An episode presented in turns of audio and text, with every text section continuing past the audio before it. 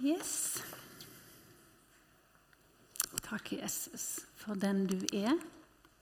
Og takk for at når vi er samla to eller tre, så er du midt iblant oss, Herre. Jeg ber om at du skal hjelpe meg i dag, formidle ditt ord, sånn at det kan bli til liv, oppmuntring og ny giv, Jesus. At du kan bli enda mer synlig for oss, Herre.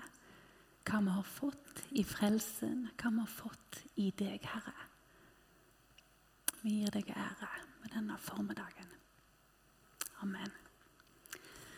Kjekt å se dere. Eh, I dag så hadde jeg litt lyst å snakke om dette med takknemlighet. Eh, minne oss sjøl på Guds godhet imot oss. I Salme 103 så står det Mi sjel, lov Herren, og glem ikke alle hans velgjerninger. Jeg tar den litt mer ut. Der. Og det er noe med Det er så lett å glemme hans velgjerninger imot oss.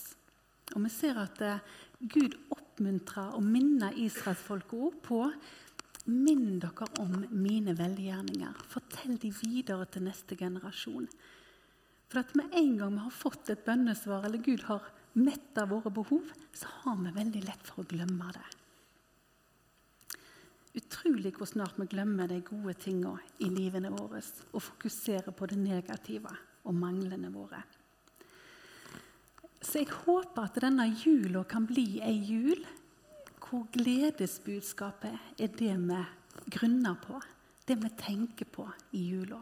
Det gode budskapet som ble forkynt den gangen for gjeterne på Merka, og som er gitt til oss om Frelseren som ble født i en stall og kom for å sone for våre synder, sånn at vi kunne få gjenoppretta forholdet vårt til Gud, vår himmelske Far, og få kontakten med Han igjen. Eh, og det er ikke alltid så lett å se vitnesbyrdet sitt som en kristen. Er det veldig mye ekko i denne? herre? Nei, det er bare jeg som hører det. Eh, jeg møtte på en mann eh, når jeg var på lederkonferansen her nå i november. Eh, og Han fortalte meg det at han, deres familie og en familie til de hadde vært på Hawaii på bibelskole på DTS.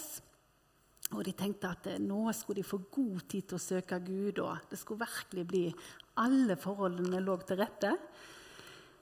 Men så befant han seg dag etter dag, så fikk han liksom ikke tid til å være med Gud. Ennå det lå så enormt til rette alt. Men det var rett og slett for travle dager. Det var for mange ting på programmet. Og dette ble jo en større og større frustrasjon for han. Helt til han søker Gud og liksom, hva er greia med meg? Hvorfor får jeg det ikke til? Og da viste Gud han prioriteringene. Det er så mange ting du setter foran meg. Og vi skulle jo tro det i vårt travle liv. Der har vi mange ting som må på en måte Eh, før Gud. Men sjøl der, når han kom nesten på ei øde øy med liksom sandstrender, så klarte han allikevel ikke å prioritere Gud først. Da kom det trening, og det var altså så mange ting som kom før gudslivet hans. Og kanskje aller mest ble det synlig når han var der. Og alle forpliktelsene som han måtte, var vekke. Men allikevel så klarte han ikke å prioritere. Eh, og En annen ting som han fortalte meg, var når han var der nede, så møtte han veldig mange mennesker som hadde ekstremt sterke vitnesbyrd. De var blitt fridd ut fra rus, og de hadde opplevd enormt sterke ting med Gud. Så han kjente på at eh, hans eget vitnesbyrd var på en måte ingenting. Han hadde jo levd med Gud hele livet. Men så var det en unge gutt som stilte seg fram, eller en unge mann en dag. Og han vitna om hvordan Gud hadde fridd han ut ifra rus, han hadde fridd han ut ifra misbruk, selvskading. Han hadde altså en så lang liste at han tenkte hjelper det meg for et liv han har levd? Og så syns det ikke noe særlig på han heller. Og han tenkte wow, for et vitnesbyrd. Helt til han avslutta med å si alt dette som jeg har ramset opp nå, har jeg vært berga fra. Jeg har vært skånt fordi at jeg har vært en kristen hele livet mitt. Og Gud viste meg at jeg har faktisk et sterkere vitnesbyrd enn noen av de andre som sitter her. har vært både gjennom det ene og det andre. For jeg har blitt bevart. det. Jeg har sluppet å få skader på mitt indre liv. Og så ser han da ble for første gang egentlig det synlig for meg hva vitnesbyrd jeg har, og hva Gud faktisk har gjort for meg. Ennå jeg har ikke de der enorme tingene i mine øyne å vise til. Så har jeg faktisk det sterkeste vitnesbyrdet av alle. Og takknemligheten for det han reiste hjem fra Hawaii med. Så ble på en måte det så ble det Han fikk se frelsen, hva det faktisk betydde. Hva han var frelst ifra. Og jeg tenker Det er så viktig vi ser det for å ha et takknemlig hjerte. I dag så har jeg lyst til å ta dere med inn i historien om israelsfolket. De eh, kjenner vi jo til. Skal vi se Bare få den på her. Der, vet du, var det lys. Eh, og Vi kjenner jo historien om israelsfolket som ble ført ut av Egypt. Etter mange landeplager i Egypt så slepte farao de endelig løs. Eh, og så ser vi at de er på vei ut av Egypt og mot løfteslandet. Og denne turen var jo egentlig ikke en veldig lang tur. Men så ser vi her i eh, andre Mosebok, kapittel 13 eh, så gikk Herren foran dem om dagen i ei skystøtte og om natta som ei ildstøtte. Og så sier Gud noe som var litt interessant. Han sier jeg vil ikke føre dem direkte eh, den raskeste veien. Jeg fører dem en omvei gjennom ørkenen og mot Rødehavet. For hvis de møtte på krig, først av alt og måtte krige, så kunne det hende de angra seg og ville reise tilbake igjen til Egypt. Så Gud førte dem en omvei for å beskytte dem. Og så vet vi jo at de kommer til Rødehavet. Og så kan vi lese fra andre Mosebok. Det er kanskje litt lite skrift her. Men så talte Herren til Moses og sa.: Si til Israels barn at de skal vende om og slå leir foran Pi Hakirot, mellom Migdol og havet, midt imot Bal Sefon. Der skal dere slå leir ved havet. Farao vil da si om Israels barn.: De farer vill i landet, ørkenen har lukket dem inne. Og jeg vil forherde faraos hjerte, så han forfølger dem og jeg vil vise min herlighet på farao og hele hans hær. Og egypterne skal kjenne at jeg er Herren. Og de gjorde så. Altså han, Gud, forherda faraos hjerte. Og det var han som ville demonstrere sin kraft her. Eh, så han ville vise sin herlighet på faraos hær.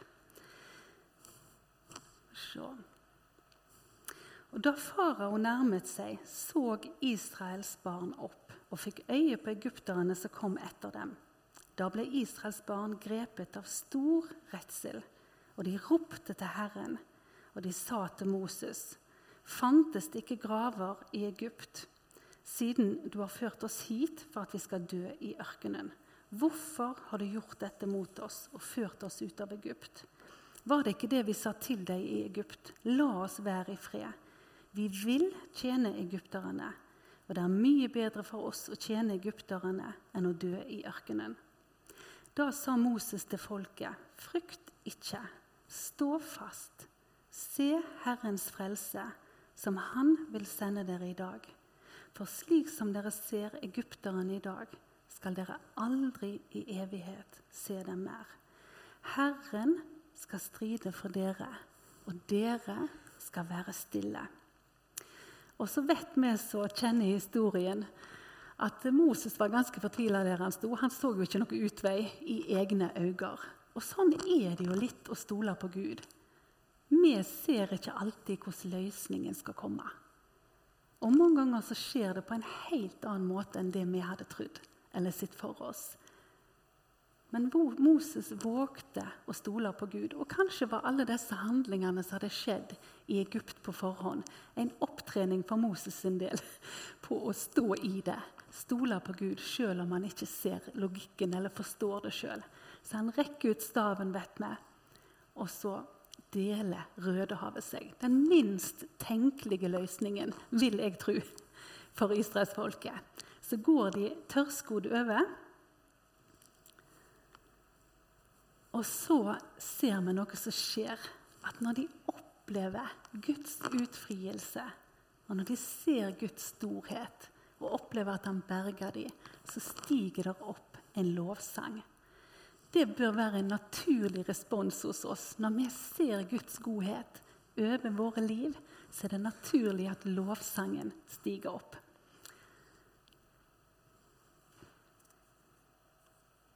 Andre Mosebok 15. Da sang Moses og Israels barn denne lovsangen for Herren. Jeg vil lovsynge Herren, for han er høyt opphøya. Hest og rytter styrter han i havet. For Herren er min styrke og min lovsang. Og han ble meg til frelse. Han er min Gud, og jeg vil prise han. Min fars Gud, og jeg vil opphøye han så går det ikke lange stunda før lovprisningen blir vendt til klagesang.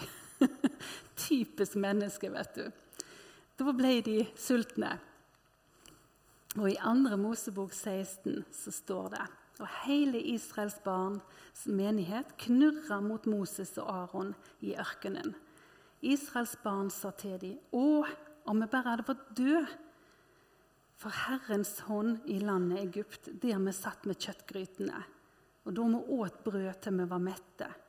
Nå har dere ført oss ut i ørkenen for at hele folkemengden skal dø av sult. Da sa Herren til Moses, Se, jeg vil la brød regne ned ifra himmelen til dere. Folket skal gå ut og sanke for hver dag det de trenger. Slik vil jeg prøve dem, om de vil føre, følge min lov eller ikke. Og så vet vi at Gud lagde en sånn lov at de skulle kun sanke manna til den dagen de trengte. De fikk ikke lov til å samle opp til neste dag, for da kom det faktisk makk i det, og det råtna. Allikevel så var det noen som måtte prøve seg på det. Ville sikre seg, vet du. Men det var òg en opptrening i å stole på Gud. At han sørger for deg dagen i dag. Han kunne jo gitt dem mat for hele veka, men han ville trene dem opp. Så vi ser at hele denne ferden i ørkenen var en opptrening på vandringen med Gud. Å stole på Han, at han sørger for. Og dette med å ta én dag om gangen. Vi ser denne røde tråden som dukker opp i så mange andre kapittel utover i Bibelen.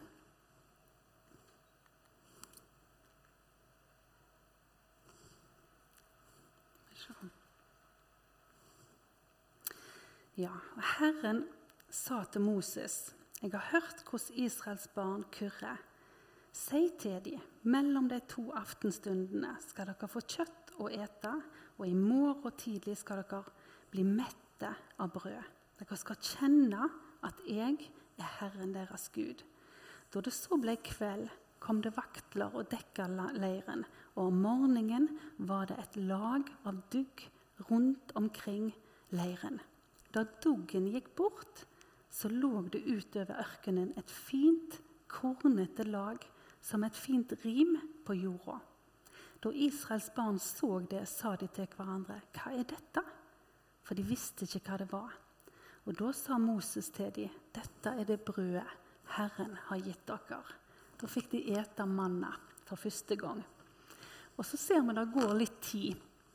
Eh, kan ikke gå gjennom alle Mosebøkene nå, for da ville det tatt litt tid. Men de blir tørste, og så ser vi at Moses slår på klippa. Det kommer vann fra klippa. Han forsørger dem på det mest fantastiske viset. Og han lar de seire over fiender de egentlig i naturlig styrke ikke hadde hatt muligheten til å slå. Fordi at Gud var med dem, og det gikk rykter om israelsfolket, at deres Gud kjempa kampene for dem. De hadde sko som ikke ble slitt. Tenk alle de åra de var i ørkenen. Og så ser vi igjen i 4. Mosebok 11. Hopen av fremmede blant dem ble grepet av grådig begjær, og Israels barn begynte igjen å jamre seg og sa:" Hvem skal gi oss kjøtt å ete? Vi minnes fisken som vi åt i Egypt, og som vi fikk for ingenting.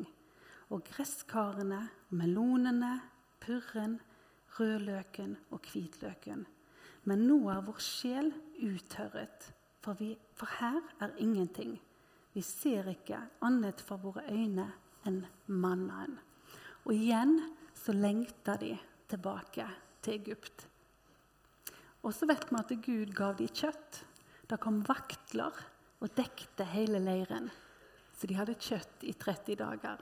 Og gjennom hele vandringen til israelsfolket så ser vi Guds tålmodighet mot dem og nåde mot dem, ennå de igjen og igjen gjorde opprør mot Gud.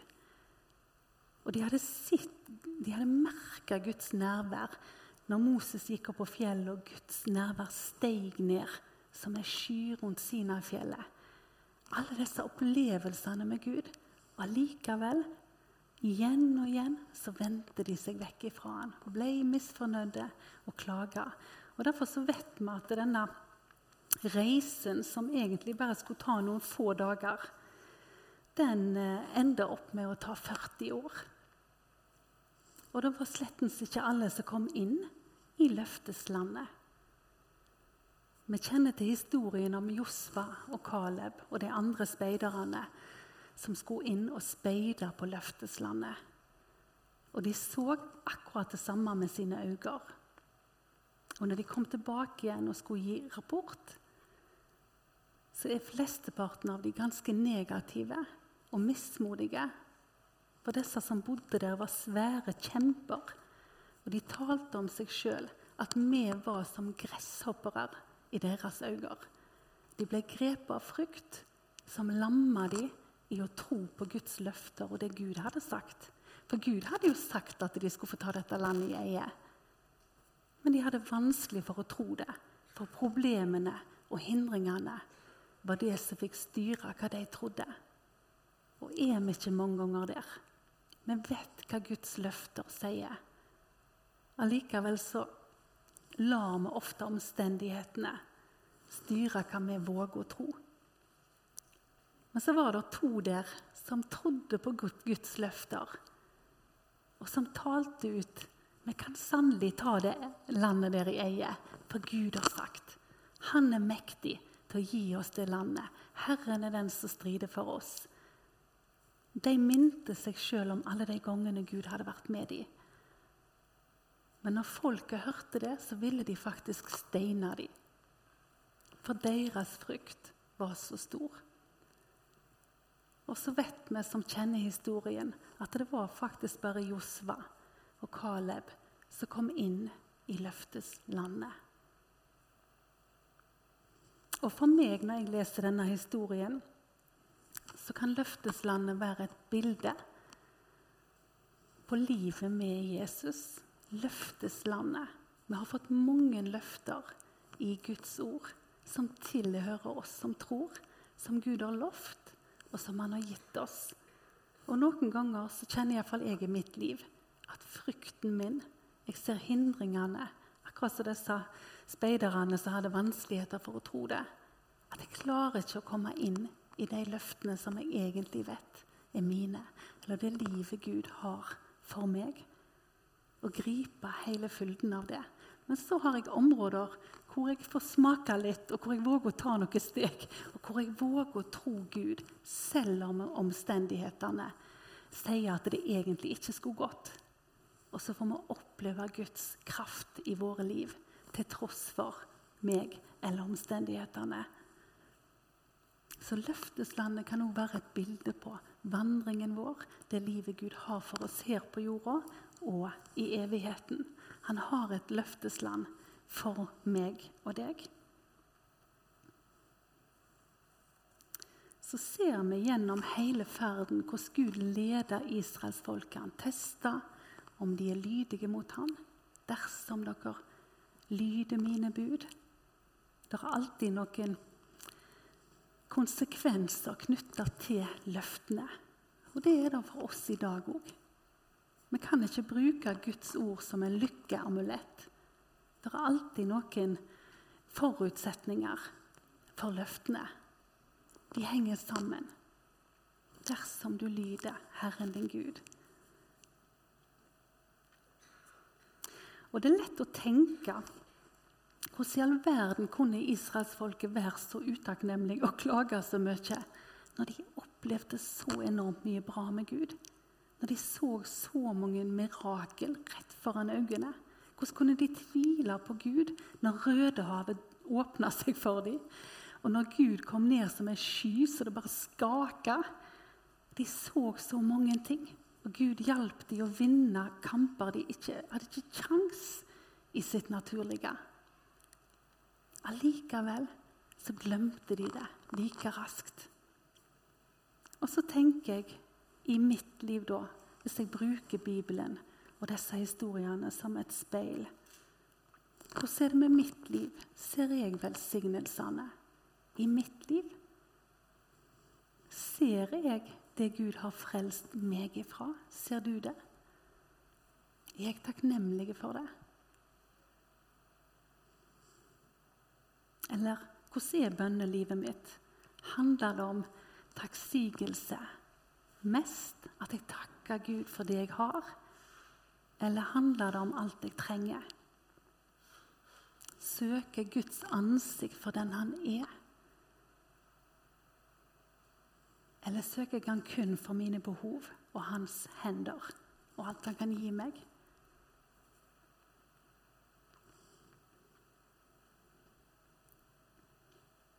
Vi har så enormt mye å være takknemlige for.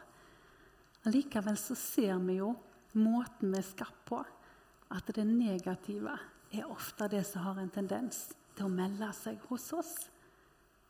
Tenk på om vi bor i et fantastisk velferdssamfunn Jeg snakket litt med noen her nede i dag. At er vi syke, så er vi faktisk så velsigna at det, ungene våre trenger ikke gå uten mat. Det fins ordninger. Men istedenfor å være takknemlige for det, så er vi også ofte misfornøyde med et eller annet som vi henger oss opp i med de gode ordningene vi har i landet òg.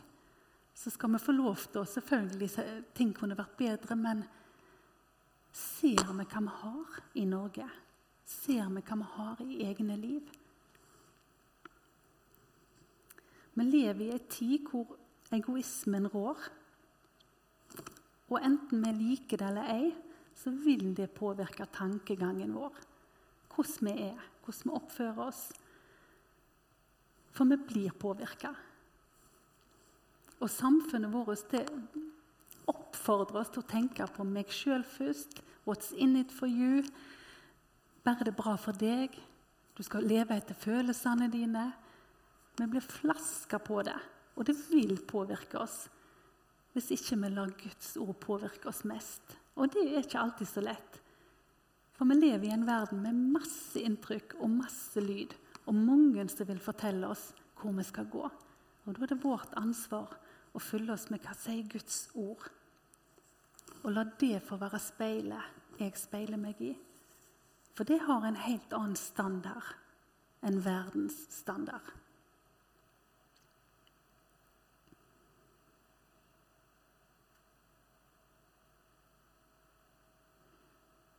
Vi vet jo at gleden i Herren er vår styrke. Og jeg kjenner iallfall at hvis takksigelse får rom i mitt liv, når jeg begynner å takke så skjer det noe med humøret mitt. Uansett hvor lavt nede jeg begynte, så skjer det noe med humøret mitt. Gud vil jo glede for meg. Han vil jeg skal være glad. Han vil jeg skal kjenne meg sterk. Og jeg kjenner iallfall I mitt liv så er lovprisning og lovsang en kjempenøkkel. Hva har du i ditt liv som løfter opp troa di, som løfter opp takknemligheten din? Og når du begynner å takke, da går det ikke an å være nedstemt. Og når vi begynner å kikke etter de gode tingene, for selv i de verste omstendighetene så er det alltid noe å takke for. Tenk på Paulus og Silas som satt i det innerste fangehullet. Allikevel så klarte de å synge lovsanger til Gud. Gleden i Herren den kan vi ha tross for omstendigheter. Vi kan ha den midt i sykdom, vi kan ha den midt i prøvelser, vi kan ha den i sorg, i død. Det er noe som kan bære oss igjennom alle livets faser. Og så oppleves han forskjellig, for den gleden som Gud snakker om, det er ikke alltid en jublende glede. Men en visshet om at jeg er i Herrens hender uansett hva som skjer med meg. At han ønsker meg velkommen med en åpen favn hver gang jeg kommer. Det er alltid rom for meg. Jeg kan alltid komme med mine nederlag, med mine tvil og på seierhøyden. Jeg er alltid velkommen. Men velger jeg han både i motgang og medgang? Eller velger jeg han kun i motgang?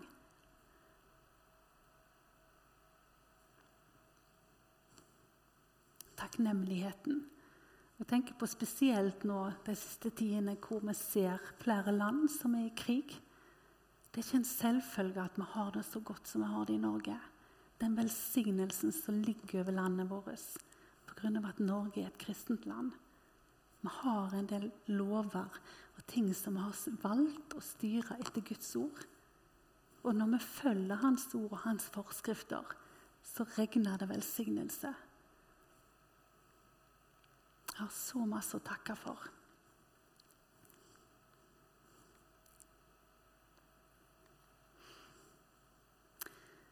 Jeg har bare lyst til å lese rett og slett noen ord om takksigelse. Kolosserbrevet 2, 6-7. Dere har tatt imot Jesus Kristus som Herre. Lev da i Han. Vær rotfesta i Han og bygd på Han. Hold fast ved den tro dere har opplært i, med overstrømmende takk til Gud. For dette er dagen som Herren har gjort. La oss juble og glede oss på den. Og Salme 106. Halleluja. Takk, Herren, for Han er god. Evig varer Hans miskunn. Hvem kan nevne alle Herrens storverk og fortelle om alt det herlige han har gjort. Salme 28. Velsigna i Herren, for Han hører min bønn. Herren er mitt vern og mitt skjold. Mitt hjerte satte sin lit til Han, og jeg fikk hjelp. Hjertet jubla, og med sang vil jeg prise Han. Johannes' åpenbaring de ropte med høy røst, verdig av lammet som ble slakta, verdig til å få all makt og rikdom, visdom og styrke, ære og pris og takk. Og så til slutt Salme 103. Mi sjel, lov Herren, og glem ikke alle hans velgjerninger. Han som forlater all din misgjerning som leger alle dine sykdommer. Han som forløser ditt liv fra grava, og som kroner deg med miskunnhet og barmhjertighet. Vi har så enormt masse å være takknemlige for. Tenk han har elsket oss med en evig kjærlighet som varer ved mot oss, uavhengig av hvordan vi oppfører oss. Og han gir oss sjans på sjans på kjangs. Det er bare til å vende seg imot ham og ta imot Hans nåde. Han som døde for våre synder, for at vi skulle få del både i Hans rettferdighet, Hans tilgivelse og det kristne livet. Og bli forsona med Gud. Jeg har spurt Simen om han kan ta en sang. Og den syns jeg er bare en sånn nydelig tekst på. Så jeg vil bare at vi skal være i den sangen og takke Gud for det Jesus betyr for deg. minne tilbake på alle hans velgjerninger imot deg i ditt liv. Og la det stige opp en takk fra ditt hjerte. Og Etterpå så kommer vi til å gå inn i nattverd, hvor vi skal få minnes eh, Jesus med dette måltidet. Eh, og når vi har nattverden, så blir det òg bønnevandring eh, samtidig. Så når du har tatt imot, så kan du fortsette i bønnevandring. Da blir det muligheter for å bli, for personlig forbønn her nede. Og så er det lystenning og bønnelapper. Så det blir gangen i det.